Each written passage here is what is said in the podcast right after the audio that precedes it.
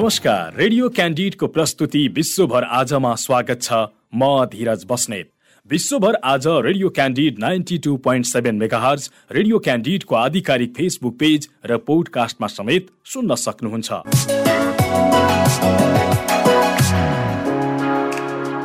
विश्वभर आजमा हामी विश्वभर घटेका ताजा र विशेष घटना समेटिएका समाचार सामग्री प्रस्तुत गर्दै आएका छौँ।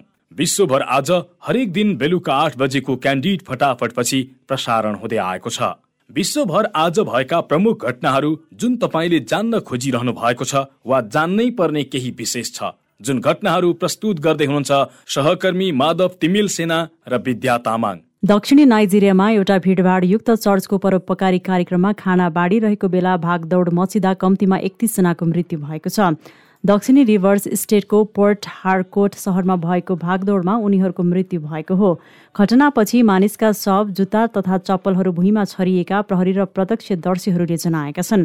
पोर्ट हारकोट पोलो क्लबमा एक स्थानीय किङ्स एसेम्ब्ली चर्च सङ्गठनले गरिबहरूका लागि खाना र उपहारहरू प्रदान गर्दा भिड नियन्त्रण बाहिर गएको थियो। प्रहरीले कम्तीमा एकतिसजनाको मृत्यु भएको पुष्टि गरेको छ भने अन्य केही घाइते भएका छन्।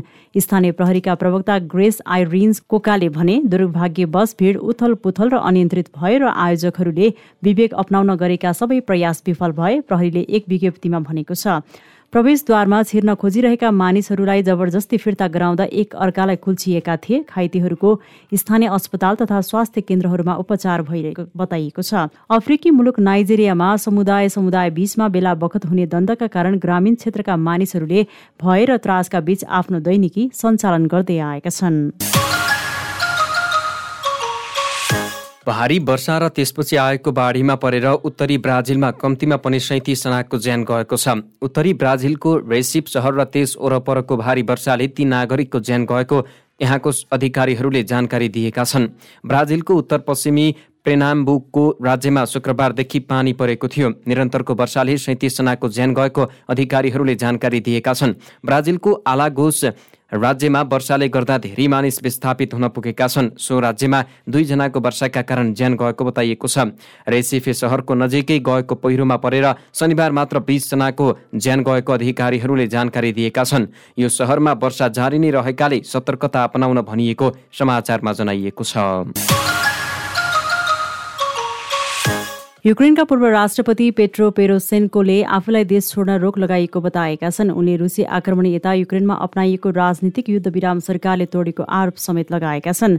सन् दुई हजार चौधदेखि दुई हजार उन्नाइससम्म सत्तामा रहेका पेरोसेन्कोले युद्ध सुरु भएदेखि अन्तर्राष्ट्रिय टेलिभिजनमा उनको दलको धारणा राख्न पटक पटक सार्वजनिक हुने गरेका छन्। राष्ट्रपति भ्लोदिमिर जेलेन्स्कीको सत्तारूढ दलपछि ठूलो उनको युरोपियन सेलिडाटरी पार्टी युक्रेनको संसदमा दोस्रो ठूलो दल हो। रुसले आक्रमण गरेपछि युक्रेनको संसदले धेरै रुसी समर्थक दलहरूमा प्रतिबन्ध लगाएको छ भने अरूलाई अझै पनि राजनैतिक युद्ध विरामको सीमामा रहेर गतिविधि सञ्चालन गर्न अनुमति दिएको जनाइएको छ। यसले सबै युक्रेनी दलहरूले युद्ध विरुद्ध एकजुट हुन घरेलु राजनीतिक असहमतिहरू पन्छ्याएर अघि बढ्न सहयोग पुगेको अन्तर्राष्ट्रिय समाचार संस्था एएफपीले जनाएको छ। पेरोसेन्कोको कार्यालयले सरकारले रुस विरुद्ध एकबद्धता जनाउन भएको आन्तरिक युद्ध विराम उल्लङ्घन गरेको आरोप लगाउँदै उनलाई युक्रेनी सीमा पार गर्न दिन अस्वीकार गरिएको बताएको छ। यो निर्णयबाट अधिकारीहरूले युद्धकालमा लागू रहेको राजनीतिक युद्ध विराम भङ्ग गर्ने खतरा भएको छ उनको कार्यालयले जनाएको छ। रुसी आक्रमणको सामना गर्नुपर्दा राष्ट्रिय एकता एकताको एउटा बलियो आधार रुस विरुद्ध युद्धमा घरेलु ऐक्यबद्धता थियो तर सरकारबाट यो भङ्ग गरिएको छ। पेरोसेन्कोले युक्रेनी प्रतिनिधि मण्डल नेतृत्व गर्दै लिथुआनियामा भएको नेटो संसदीय सभाको बैठकमा सहभागिता जनाउन जानुपर्ने कार्यक्रम रहेको थियो र सरकारबाट यसअघि यात्रा गर्ने अनुमति प्राप्त गरेका थिए।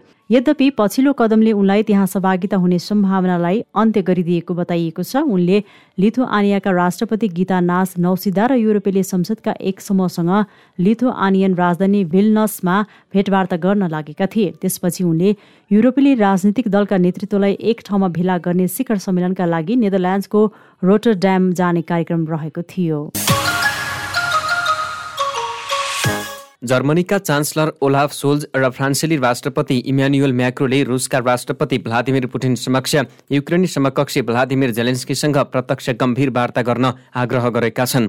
फ्रान्सेली राष्ट्रपति इमानुएल म्याक्रो र जर्मनीका चान्सलर ओलाफ सोल्जले राष्ट्रपति पुटिनसँग गरेको अस्सी मिनट लामो टेलिफोन वार्तामा यस्तो आग्रह गरेका हुन्। वार्ताका क्रममा युरोपेली युनियन युका शक्तिशाली दुई नेताहरूले तुरुन्तै युद्धविराम गर्न र रुसी सेनालाई युक्रेनबाट हटाउन दबाब दिएको जर्मन चान्सलर सोल्जको कार्यालयले जनाएको छ। म्याक्रो र सोजले पुटिनलाई युक्रेनी राष्ट्रपतिसँग गम्भीर तथा प्रत्यक्ष वार्ता गर्न र यस द्वन्द्वको कूटनीतिक समाधान खोज्न आग्रह गरेका छन् चान्सलरको कार्यालयद्वारा जारी विज्ञप्तिमा भनिएको छ।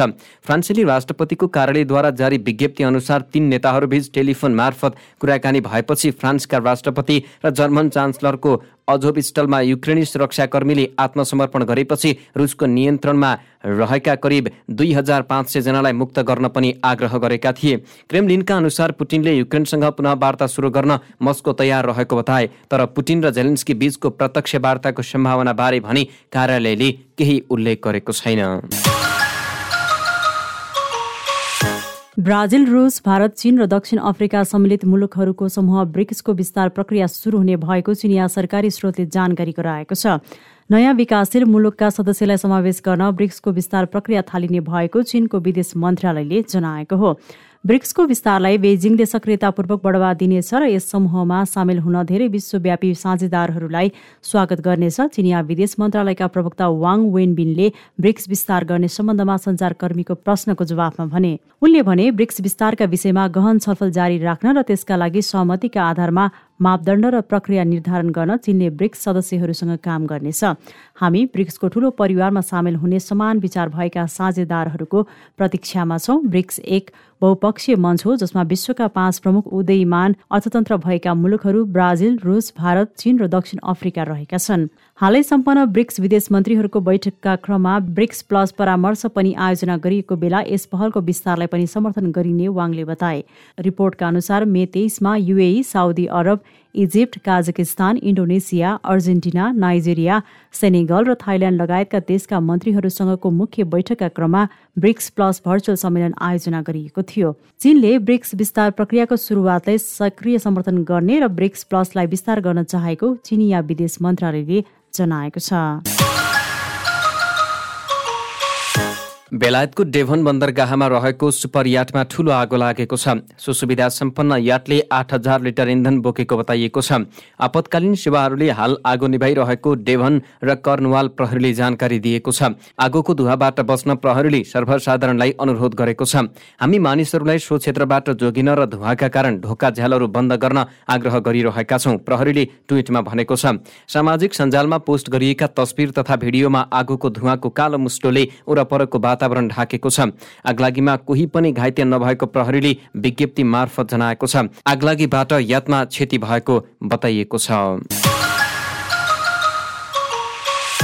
दुई वर्षदेखि पर्यटकका लागि बन्द रहेको जापानले अन्ठानब्बे देश र क्षेत्रका पर्यटकका लागि आफ्नो सिमाना खुल्ला गरेको छ तर केही प्रतिबन्ध भने अझै जारी राखिएको छ। जापानले कोभिड भाइरस नियन्त्रणका लागि विभिन्न कदम चालेको थियो। सन् दुई हजार बिसमा सम्पन्न टोकियो ओलम्पिक खेलमा समेत विदेशी आगन्तुकहरूलाई प्रतिबन्ध लगाएको थियो। विदेशी बासिन्दा र व्यावसायिक यात्रुहरूका लागि यात्रा प्रतिबन्धहरू पहिले नै खुकुलो पारिएको थियो। सरकारले जुन एकदेखि दैनिक विदेशी आगमनको सीमा बिस हजार पुर्याएको छ मार्चको मध्यदेखि अन्तर्राष्ट्रिय विद्यार्थीहरूलाई पनि प्रवेश अनुमति दिएको छ। दस जुनदेखि टुर समूहहरूलाई देश प्रवेश गर्न अनुमति दिइनेछ।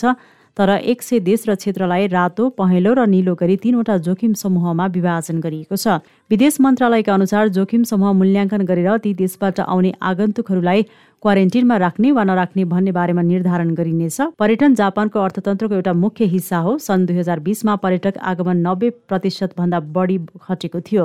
तर विदेशी पर्यटकहरूका लागि सिमाना खुला गरेसँगै पर्यटन व्यवसाय उत्साहित भएका छन्। लगभग दुई वर्षदेखि जापानको सीमा बन्द भए पनि हामी जापान भ्रमणमा धेरैले रुचि जनाएको देखिरहेका छौँ। सीमा पूर्ण रूपमा खुला हुने बित्तिकै बुकिङमा भिड हुनेछ। इन्टरपिड ट्राभलकी प्रबन्ध निर्देशक जिना बेन्चेकले भनिन्।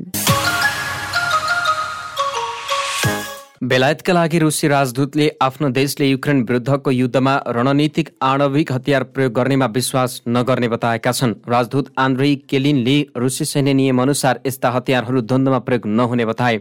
राज्यको अस्तित्व खतरामा आए मात्र त्यस्ता हतियार प्रयोग गर्न सकिने उनले बताए। आणविक हतियारको हालको कारवाहीसँग कुनै सरोकार छैन उनले आइतबार बिहान भनेका छन्। भ्लादिमिर पुटिनले आक्रमण लगत्तै फेब्रुअरीको अन्तमा आफ्ना आणविक सेनाहरूलाई उच्च सतर्कतामा रहन आदेश दिएका थिए। पुटिनले यसको दोष नेटो र पश्चिमा देशहरूका आक्रमक व्यवहारलाई दिएका थिए। तर पुटिनको अभिव्यक्तिलाई बेलायतका रक्षा मन्त्री बेन वालिसले युक्रेनमा भइरहेको गलत क्रियाकलापबाट मानिसहरूलाई अन्यत्र ध्यान मोड्ने प्रयास गरेको बताएका थिए। यसैबीच रुसी सेनाले पूर्वी युक्रेनमा आफ्नो हमला केन्द्रित गरेको छ। र पाकिस्तानका एक नागरिकले आफ्नो छोरी बिक्री गर्न नदिएको झोकमा श्रीमतीको हत्या गरेका छन्। पाकिस्तानको लक्की शाह सदर इलाकाका जुल्फिरा जिस्कानीले आफ्नी नाबालिग छोरीलाई धेरै रकम लिएर विवाह गराउन खोज्दा उनकी श्रीमतीले त्यसको विरोध गरेकी थिइन्। श्रीमती बब्ली जिस्कानीले छोरी बेच्न नदिएपछि क्रोधित भएका उनले बब्लीको हत्या गरेका हुन्। हत्याको अभियोगमा उनलाई प्रहरीले हिरासतमा लिएको छ। बब्लीका भाइ मुनबर जिस्कानीले आफ्नो भिनाजुले भान्जी हुमिरालाई रु एक लाखमा विवाहको लागि एक व्यक्तिलाई सुम्पन गरेको प्रयासको विरोध गर्दा दिदी बब्लीको घाँटी थिचेर हत्या गरेको प्रहरीलाई बताएका छन्। यसअघि पनि भिनाजु जुल्फिकारले आफ्नो दुई छोरीलाई बेचेको उनले प्रहरीलाई जानकारी दिएका छन्। बब्ली जिस्कानीका भाइ मुनबरले दिएको उजुरीका आधारमा अभियुक्तलाई पक्राउ गरिएको हो। हत्याको छानबिन शीघ्र सुरु हुने प्रहरीले जनाएको छ। स्थानीय अस्पतालमा पोस्टमार्टमपछि बब्ली जस्कानीको शव आफन्तलाई बुझाइएको छ। प्रस्तुतिमा हुनुहुन्थ्यो सहकर्मी माधव तिमिल सेना र विद्या तामाङ।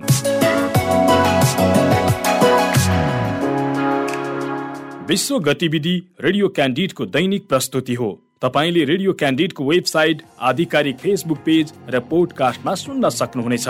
सँगै खबर हब डट कममा पनि विश्व गतिविधि पढ्न सक्नुहुनेछ। भोलि फेरि यसै समयमा विश्व गतिविधि बुलेटिन लिएर उपस्थित हुनेछौँ। आजलाई भने बिदा दिनुहोस्। नमस्कार।